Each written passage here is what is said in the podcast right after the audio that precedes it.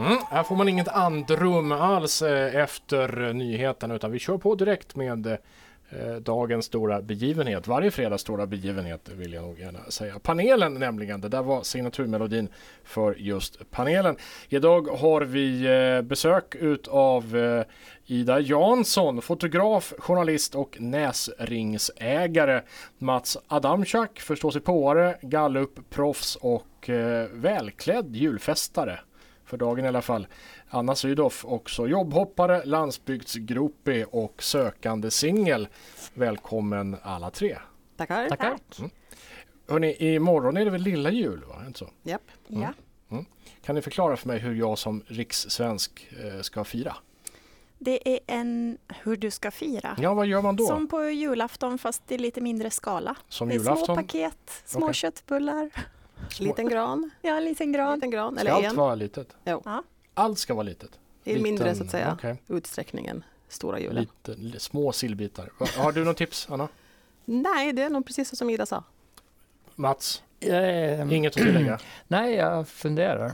Ja. Eh, Du har själv kostym på dig idag. Ska man ha det när det är lilla jul? Ska Ja, man klä upp sig då? det är antagligen därför jag har per automatik klätt upp mig antar jag. Ja, ja. Inför, du börjar idag och... Sen byter jag kavajen när Ja. 20 knut. Jaha, ja okej.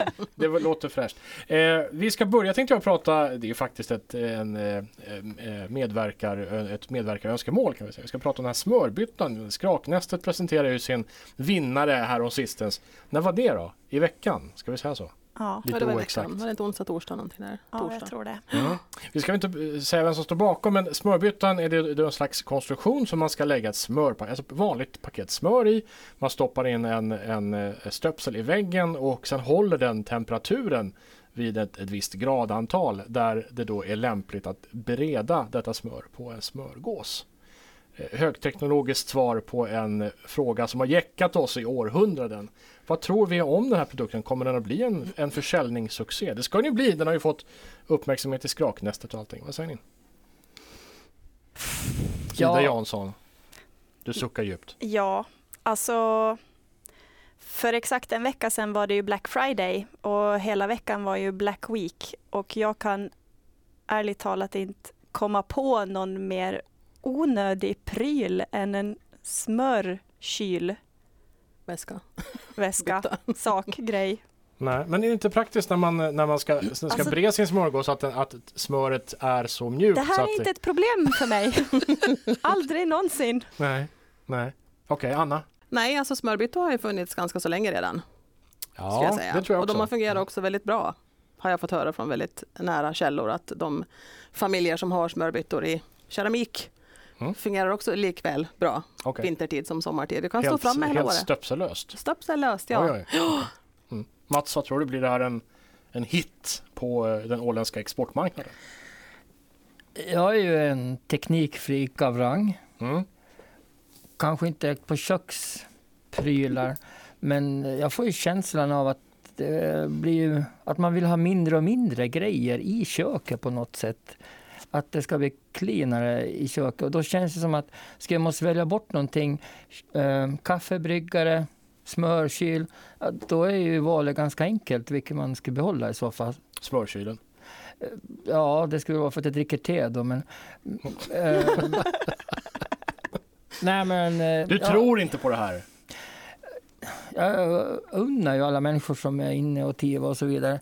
Men eh, just, man måste ju skapa behoven nästan känns det som. För jag, nu har det väl hänt någon gång att man har tänkt ta i smör stenhårt och tänkt att det skulle vara skönt. Men att det skulle vara... Nej, faktiskt inte.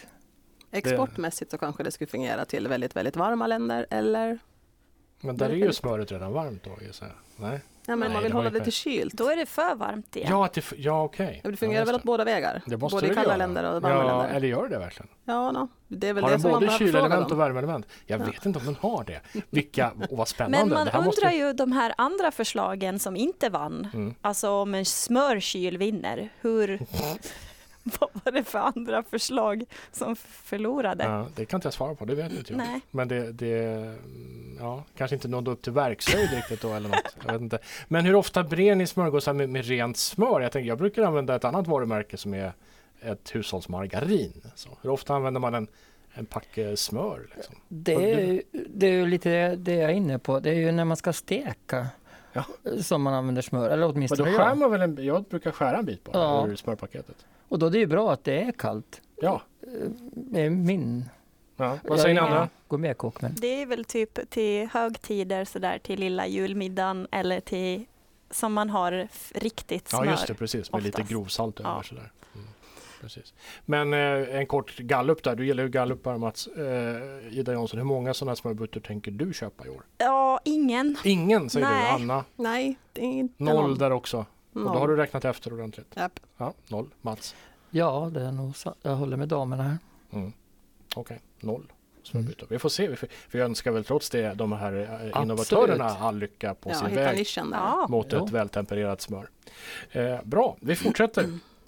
Eh, I veckan har vi berättat att Finland fortsätter strunta i allt Åland gör eller eh, säger. Ända sedan SOT-reformen inleddes i Finland har Åland påpekat vikten av att ta hänsyn till självstyrelsen i lagstiftningsarbetet.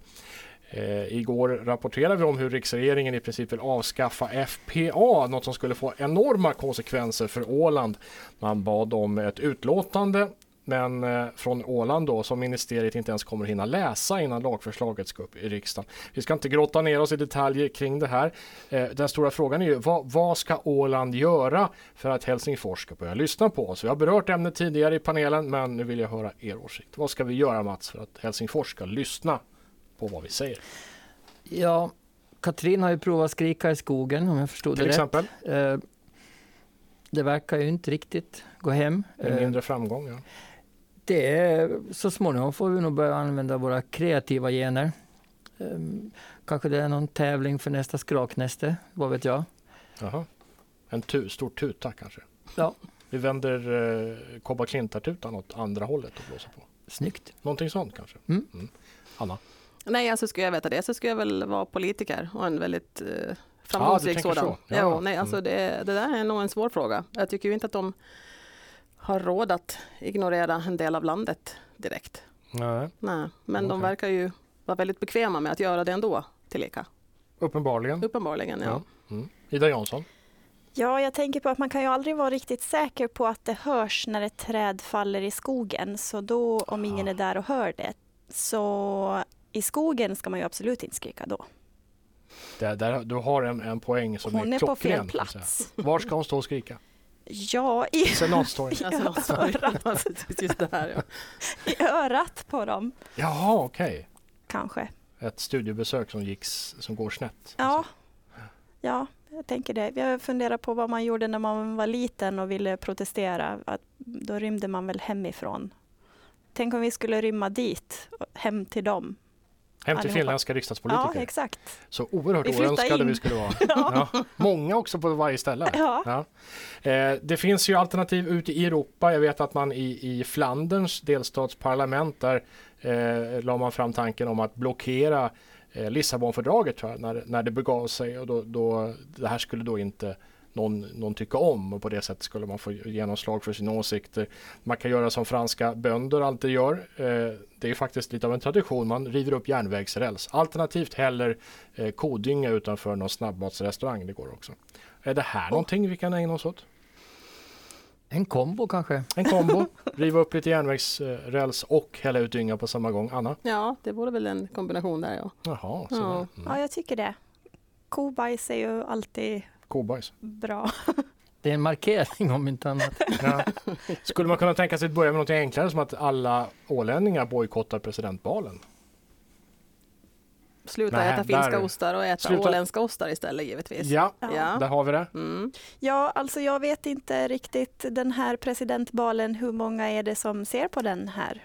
Eller hur många ålänningar är det som är inbjudna egentligen då? Ja, det brukar väl vara ett, ett gäng alltså, dignitärer från Åland. Mm. Ja, Jag tittade inte så noga förra året. Jag såg att Niklas Lampi med hustru var där i alla fall. ja. Ja ju jag har förstått ålänning. att det finns de familjer här som har det som tradition att sitta och titta på den här balen. Men jag har aldrig någonsin gjort det så att jag tycker att, Men jag tänker finländare gör det. Ska vi protestera så kan det Ja. vara ett sätt då. Mm. ja fast hur ska de veta att vi sitter hemma och bara nej nu knäpper jag över kanalen. Okej, men det är lustigt då för konsensus hamnade någonstans eh, däremellan då, alltså riva upp järnvägsrälsen. då. Det är ju eh, väldigt nära terrorism. Vi går vidare eh, i panelen. Jag tror jag gör en rokad bland ämnen också. Vi tar den här först. Det har gått, för att få ner diskussionen på lite allvarligare nivå, mina vänner. Det har gått ett år sedan metoo fick fart internationellt. Någonting vi uppmärksammade i veckan i Åland idag. Många vittnar om att det för första gången på länge, kanske någonsin, börjar gå att diskutera jämställdhets och övergreppsfrågor med oss män. Vi har någon slags i någon slags förskräckelse följt med i den här kampanjen och förfärats över vad vi män egentligen håller på med. Håller ni med om det? Kan man börja prata med män om sådana här saker nu? Börja med dig Mats bara för sakens skull. Du är ju man. Ja, Mm. ehm, jag måste fundera. Jag tror faktiskt att jag har inte diskuterat jättemycket med andra män. Nej. Ehm, Men har du diskuterat med kvinnor? Inte jättemycket heller. Nej. Utan jag har ju noterat och jag tycker självklart att det är för jävligt att det sker saker som är början till hela metoo. Men eh, jag tror inte att det hänt. Det hände direkt i början känns det som. Massvis med diskussioner. Men sen hade det kanske till och med spårat ur i vissa sammanhang. Men eh, i det stora hela tror jag nog att det har varit bra. Mm. Men eh, att mina män skulle diskutera, jag vet inte 17 alltså. Nej, Inte i mitt fall. nej, okej. Anna? Nej, alltså jag har ju alltid diskuterat sådana här saker med mina manliga vänner. Det har inte skett någon ändring där. Det har kanske blivit så att den, den hur ska vi säga, vanliga mannen inom citattecken har, vad heter det nu, blivit mer uppmärksam på att sånt här eh, faktiskt sker. Eh, Mer än vad de tror- trodde före. Allt, alla de här berättelserna uppdagades. Vilket ju är bra att de gjorde. Men eh, ja, Har det förändrat diskussionen då? Ja, jag tycker att många har blivit rent ut sagt chockade över att, att så många alltså, unga kvinnor, flickor har varit liksom utsatta för sånt här i sin eh, Mm. tidiga tonår och tonåren och sådana här saker. Så de har ju varit väldigt alltså, chockade över att sådant har pågått av just den där ändå tillika, hoppas jag, lilla delen av det manliga släktet som är sådana där idioter. Mm. Mm. Men du har alltid pratat med dina man- manliga vänner Jo, om sånt här? varit, jag är alltid väldigt rak och öppen om allting. Okej. Ja. Eh, men, men har du känt att det blivit lättare att prata med män om det här? Eller att de Ja, jag tagit pratade till det- sig det lättare? Jo, eller jag så? pratade om, med en manlig arbetskollega senast idag Mm. på landsbygdscentret. Och då, det var som sagt var väldigt lätt att prata med honom om det, just vad hans så att säga, syn på det hela var. Och det var inte någonting som kändes obekvämt eller konstigt. Eller, Så kanske ändå att det har gjort män, eh, oss män då lite mer mottagliga ändå? Då, för ja, det hoppas jag ju. Kanske något. Ja, Ida, vad är din erfarenhet? Ja, alltså jag vet faktiskt inte riktigt vad jag ska svara på den frågan. Jag tycker väl egentligen inte att jag upplever någon skillnad alltså med de männen som är i min eh, närmaste bekantskapskrets. Alltså, och då menar jag inte att alla de är motståndare på något vis till metoo, utan de har förstått att det här pågår även innan metoo. Alltså. Eh, Men jag tycker inte att jag har någon i min närhet som, jag vet inte om man ska kalla det, blivit omvänd eller liksom förstått först i och med metoo att det förekommer. Men det här. kanske är så att de man omger sig med, män eller kvinnor, är ju kanske då ens vänner och man umgås Mm. inte gärna med vänner som gång efter annan sexuellt antastar en. Att det ligger en Nej. gräns där då. Men om vi vänder på frågan, är, är det någonting bättre idag efter ett år efter metoo? Har situationen för kvinnor blivit bättre? Nu vi börjar med Ida igen då. Jag tror att det kanske har, alltså att det är för tidigt att säga redan nu. Jag tänker att sånt här förändras inte. Alltså nu pratar vi om det och det är väl ett första steg, men jag tror inte att sånt här förändras bara på ett år. Jag tänker att det tar längre tid innan man kan se någon skillnad. Mm. Du känner inte skillnad. själv mer eller mindre trygg på, på gatorna eller känner att du är Nej, mer alltså, eller mindre utsatt för? Jag har aldrig känt mig otrygg på gatorna eller sådär. Men ehm, och utsatt, jag vet inte. Alltså nu börjar man ju bli så till åren att man kan ta vara på sig själv. Men eh, ja, jag vet inte. Alltså kanske, ja, det är svårt att säga. Om jag hade varit ung, yngre idag så kanske jag inte hade sagt samma sak. Mm. Okej. Anna? Jag tror att det har stärkt vad heter det nu, yngre kvinnor, kanske att våga säga ifrån i situationer som gör dem obekväma. Jag tror det, jag hoppas det i alla fall, att det har stärkt dem att det är okej okay att säga ifrån. Mm. Jo, och det hoppas att det också ändrar vårt sätt att uppfostra våra flickor och pojkar. I att, så att säga, vad man, vad man säger åt dem att det är okej okay och vad som inte är okej. Okay. Att man faktiskt pratar lite mer öppet om det. För det är där det måste så att säga ske, den här stora förändringen är ju i uppfostran av våra barn. Hur man beter sig, vad man inte får göra och hur man respekterar andra. Så att det hoppas jag att det Men liksom... där har det väl blivit ändring. Man pratar med, jag själv en liten dotter liksom. Att Jo. man är väldigt noga med att om det inte känns bra så ska du säga nej. Vad, som än, vad det än gäller liksom. Att Mm. man intutar det. Det har väl skett. Mats, vad säger du? Du har ju massor med barn. jo. Ehm, jag tycker att de män som inte tar åt sig så mycket av metoo så har det aldrig varit ett problem heller. Jag menar, ta Trump, han har väl inte fattat med metoo och han har inte blivit bättre av metoo-kampanjen överhuvudtaget. Det är väl det som är problemet, de som är förövare inte fattar det. Nej, det är tillika så. Ja. Ja, men å andra sidan, det som du sa Anna, är att faktiskt eh, jag tror att unga kvinnor har blivit starkare. Jag tänker på mina döttrar. Men jag har ju alltid försökt ha dem med starkt självförtroende i min uppfostran överhuvudtaget. Så för, det är kanske därför jag inte överhuvudtaget har reagerat på det här egentligen så jättemycket, eller reflektera. Mm. Men gör man rätt? Jag presenterade, jag pratade om eh, oss män, att vi har och så. Är det, är det rätt angreppssätt? Ska, är det så vi ska se det? Att vi män som kollektiv bär någon slags skuld här. Svår fråga. Ja, Mm. Mm. Skuldbeläggning är väl aldrig någon, alltså, alltså att skuldbelägga ett helt kön för det här, så det kanske är fel sätt att gå. Okej, det är inte vi, det är en Alltså, del ju, utav alltså, männen. samhället i stort behöver ju bli bättre på att prata om sånt här och de skyddsstövlarna som finns som är förövare, så de behöver ju dö ut. Mm.